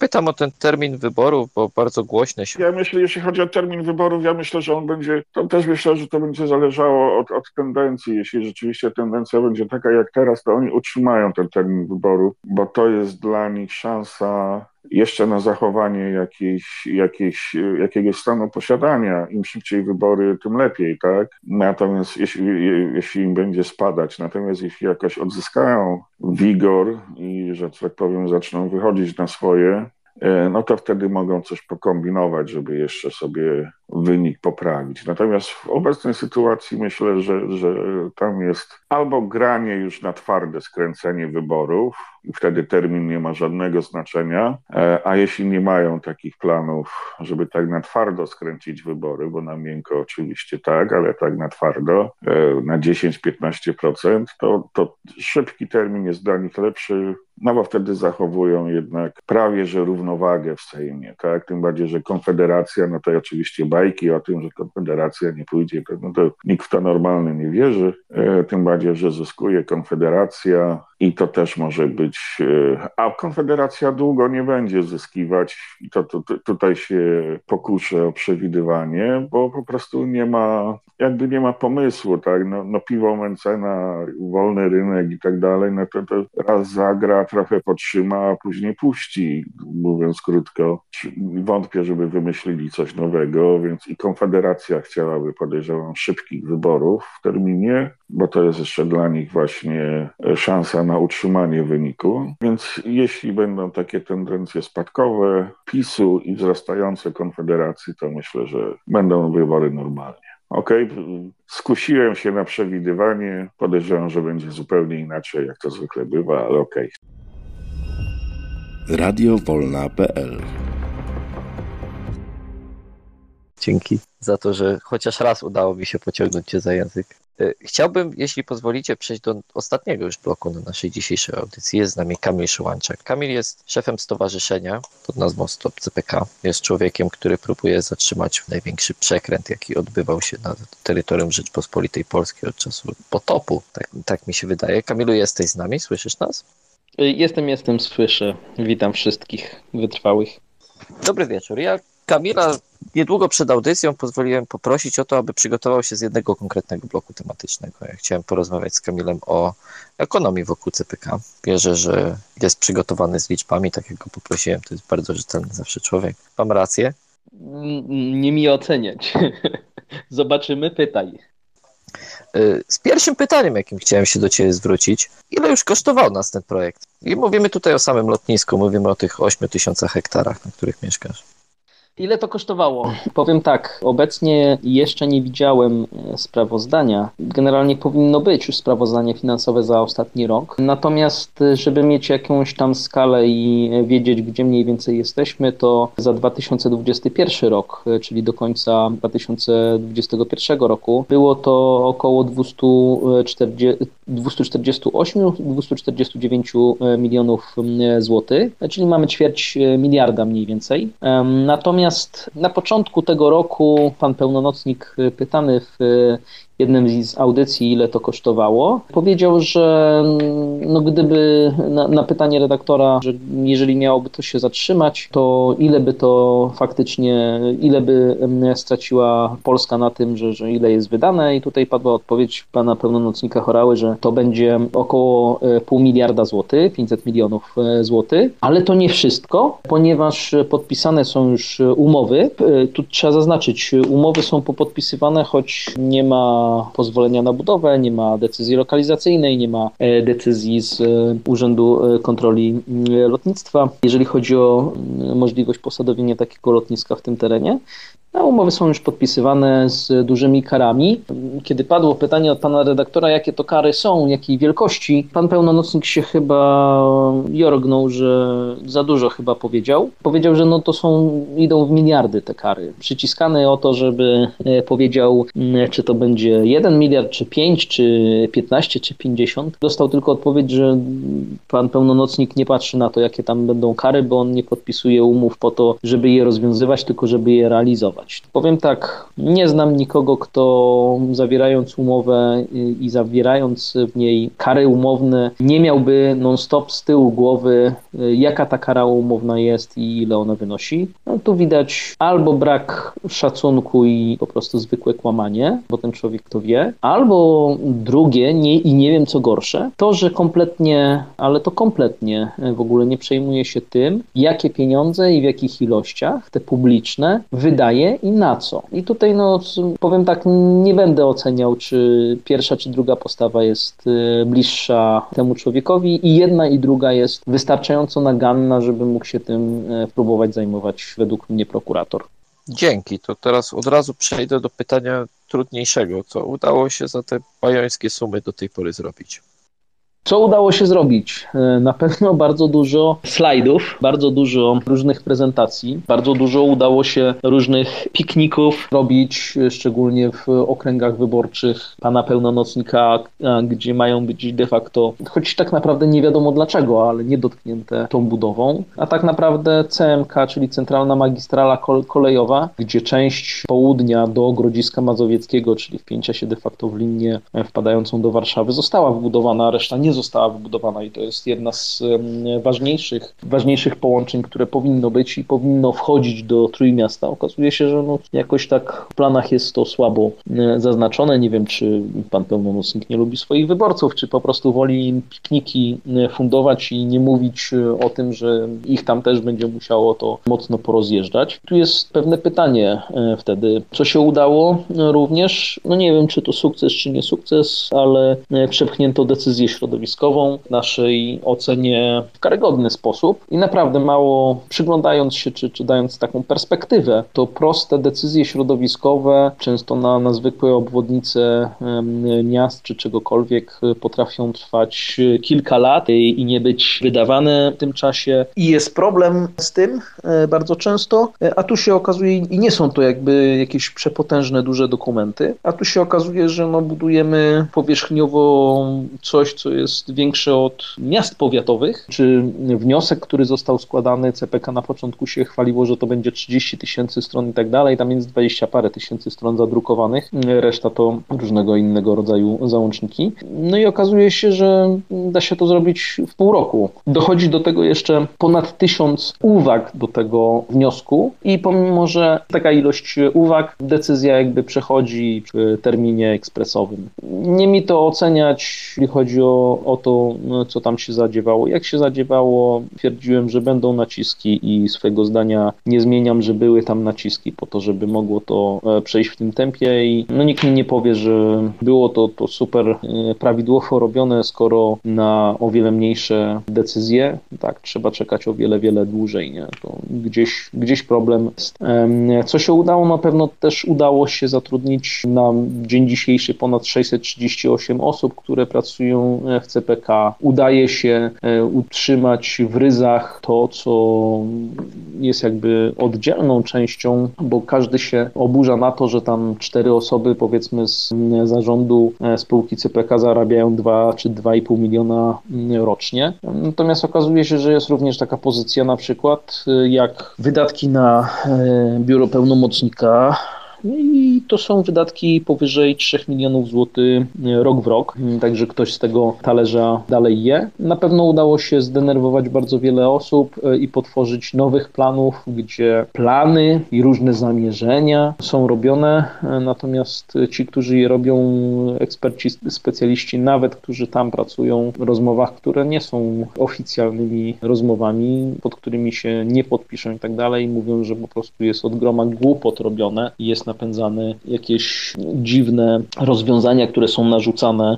Zresztą zalecam przeczytać sobie artykuł z byłym prezesem CPK, który już tam nie robi, zresztą prezesi w CPK się tam dość szybko zmieniali. Jedno jest pewne, że rodzina Wildów tam się bardzo dobrze trzyma i ulokowała przy tym projekcie.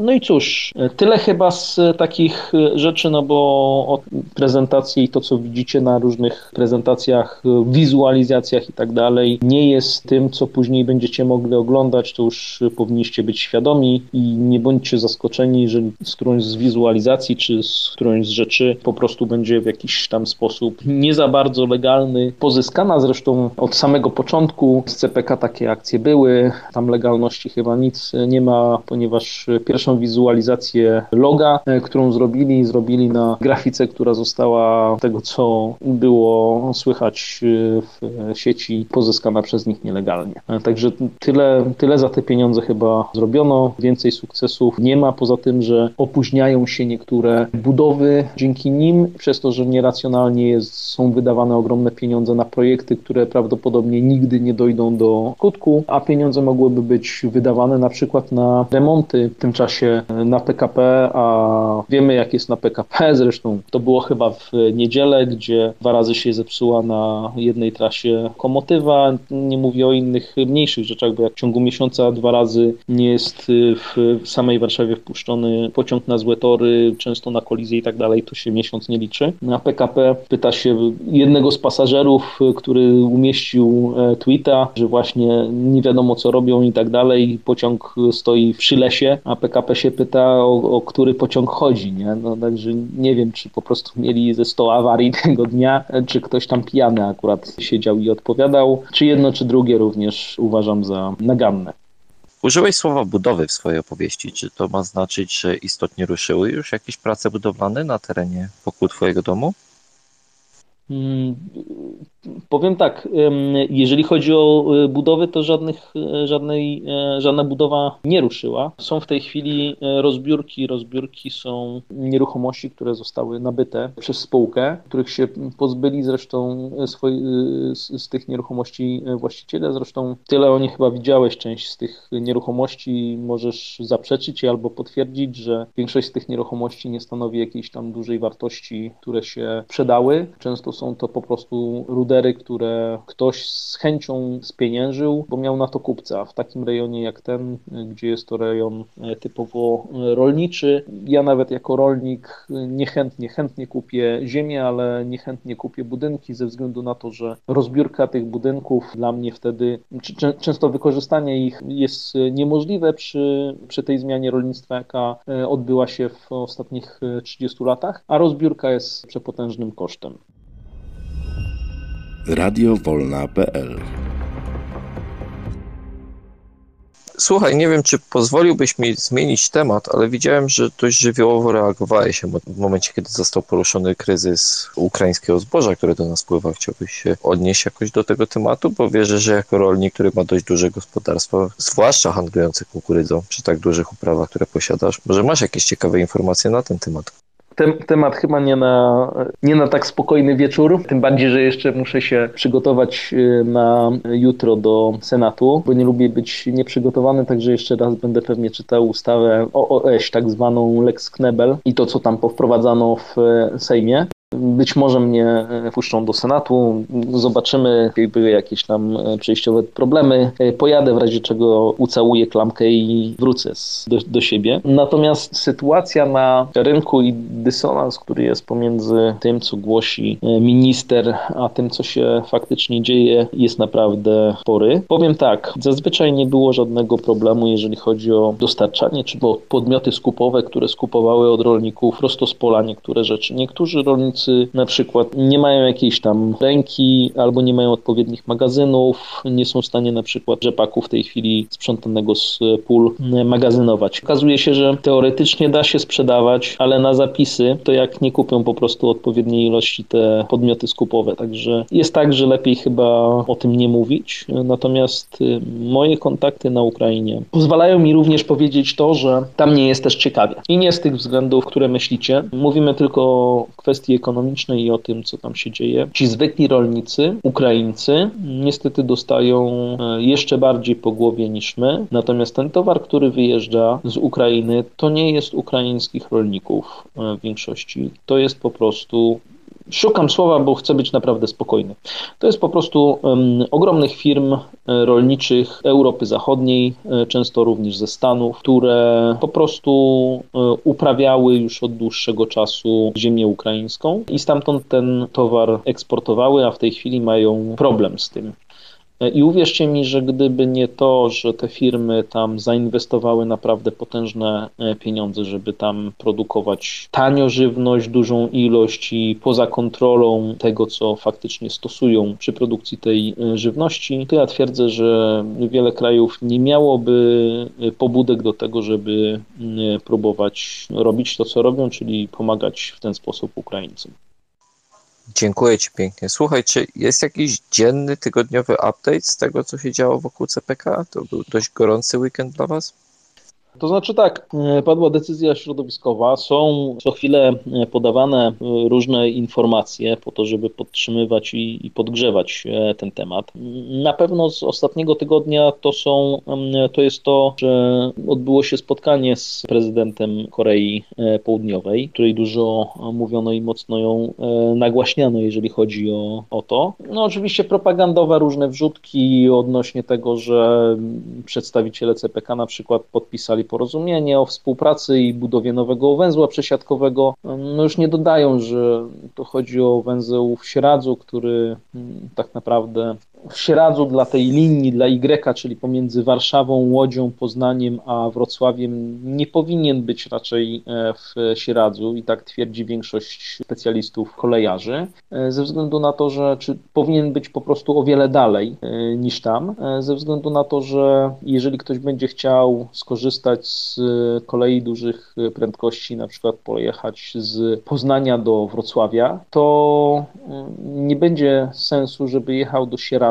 I przesiadał się dopiero w Sieradzu do Wrocławia. To rozgałęzienie powinno być o wiele dalej na zachód wysunięte, po to, żeby bardziej efektywnie obsługiwać wszystkie te cztery y, miasta i na tym naprawdę y, nie straciłoby, że, że nie straciłby y, cały walor tego, tych szybkich kolei, a tutaj no to po prostu robi się takie wrzutki po to, żeby coś pokazywać, że, że są jakieś próby robienia sukcesu. Z takich istotniejszych y, rzeczy jeszcze z y, ostatniego y, tygodnia, które można wyłowić, to jest kolejna kolejna głupota i idiotyzm, no ale tym się charakteryzują, że obiecali nam kolej próżniową Hyperloopy do 2030 roku z Warszawy przez Baranów do, z małej litery Baranów do Berlina. I teraz obiecują nam latające taksówki, drony, e, natomiast trzeba zdać sobie sprawę z tego, że kolej e, podciśnieniowa, tej Hyperloopy i tak dalej, to jest pomysł starszy i, i, i próby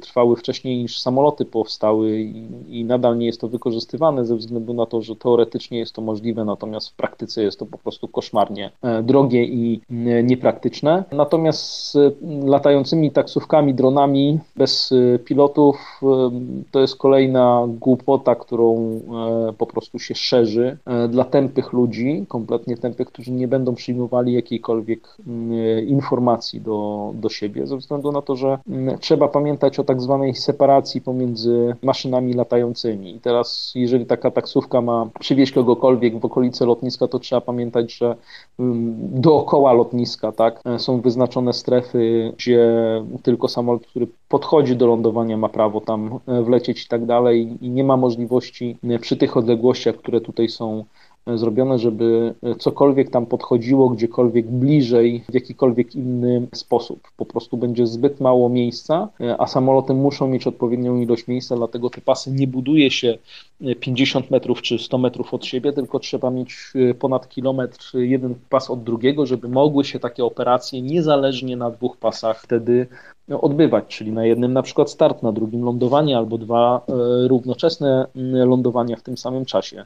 Jeżeli cokolwiek złego by się zadziało, samoloty muszą mieć po prostu możliwość odejścia tak zwanego, gdzie po smoleńsku to już chyba wszyscy wiedzą o co e, chodzi, tak, i muszą mieć wolną przestrzeń do tego. Także po prostu kolejne głupoty, natomiast no, dla ludzi, którzy nie sprawdzają informacji albo nie będą mieli takiej możliwości, tak, one gdzieś tam się zakotwiczą, myślę, i, e, i będzie to robione. No i wyszła również przepotężna, czy kolejny dowód na przepotężną chorobę pana pełnomocnika, na megalomanię. Tutaj porównuję do człowieka, który musi zbudować drugą Gdynię. Natomiast z rozmów, które wychodzą, to okazuje się, że ten projekt z osobami, które są w ich gronie, że ten projekt jest popierany i przez Chińczyków, i przez Amerykanów a nie jest popierany przez Rosjan i Niemcy. Nie? Także taka twierdza, mm, oblężona twierdza i ciągle dawanie narracji jakiejś. Natomiast zastanawiające jest to, że już mm, przestali negować, że Chińczycy nie będą brali e, w tym udziału, tylko że popierają ten projekt, także ta miska ryżu się chyba zbliża i chyba się zbliża moment, gdzie będzie trzeba to po prostu w odpowiedni sposób nam przedstawić i pokazać, że faktycznie ta miska ryżu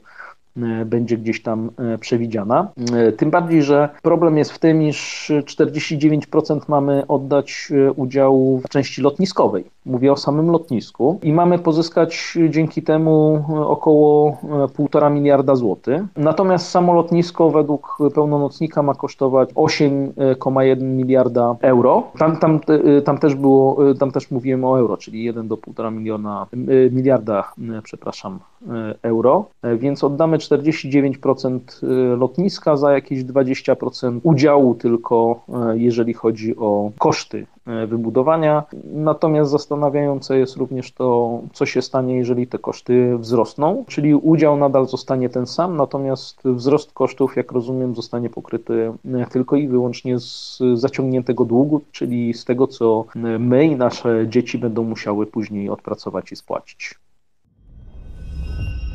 Radiowolna.pl Ja ze swojej strony chciałbym przekazać Wam serdeczne pozdrowienia. Mam nadzieję, że batalia prawna, w którą się niedawno, niedawno wplątaliście w związku z procesami i protestami, które organizowaliście, będzie, będzie już niedługo na, na wykończeniu, chociaż wiem, że to są płonne marzenia. Popraw mnie, jeśli się mylę. Wierzę, że ona dalej trwa te, te różne bijatyki sądowetne i prokuratorskie tak, jak najbardziej trwają. To będzie się jeszcze ciągnęło pewnie dość długo z różnych powodów i z różnych rzeczy. Listonosz jak zwykle nie był e, zaskoczony. E, były pisma z prokuratury, były pisma z sądów i tak dalej, także tydzień jak zwykły tydzień idzie. Na ten tydzień chyba nie, nie przewiduję, żeby cokolwiek doszło. Najbliższa rozprawa 26. No i czekam jeszcze na jedno przesłuchanie, które powinno być, ale coś chyba zwlekają, nie wiedzą z którego paragrafu mi postawić zarzuty mi i, i mojemu ojcu. Także no, zobaczymy. Czas pokaże. Natomiast jednocześnie próbujemy coś tam walczyć, tak jak mówiłem, jeżeli chodzi o karygodne zmiany e, prawa, które e, próbują wprowadzać, bo Lex Knebel myślę, że w przyszłym tygodniu e, powinniśmy coś powiedzieć, żeby być bardziej świadomym tego, co jest tam szykowane i co w tej chwili już przeszło przez Sejm, a poszło do Senatu.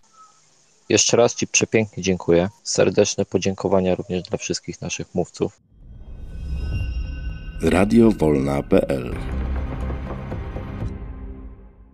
Słuchaliśmy obrońców polskich granic. Była z nami pani doktor Magdalena Matusiak-Frądczak, była pani mecenas Ewa Stępniak. Słuchaliśmy również pana mecenasa Dariusza Golińskiego. Uczestniczyła w naszym spotkaniu również Małgorzata Rycharska, Hope and Humanity Poland. Towarzyszył jej Marek Męczyński, Podlaskie Ochotnicze Pogotowie Humanitarne. Był z nami również doktor Tomasz Banaszak, politolog oraz Kamil Szymańczak, Stowarzyszenie Stop CPK. Jeśli widzicie inne polskie granice zagrożone lub w ogniu, to tutaj jest miejsce, żeby o tym powiedzieć. A kolejną audycję Radio Wolna.pl z cyklu Granice Polskie prowadził ze mną Leon Sawicki. Leonie, bardzo Ci dziękuję. Dziękujemy również pomysłodawcy tego projektu, Maxowi Fullerowi i ogromne podziękowania wszystkim gościom, ekspertom za współpracę.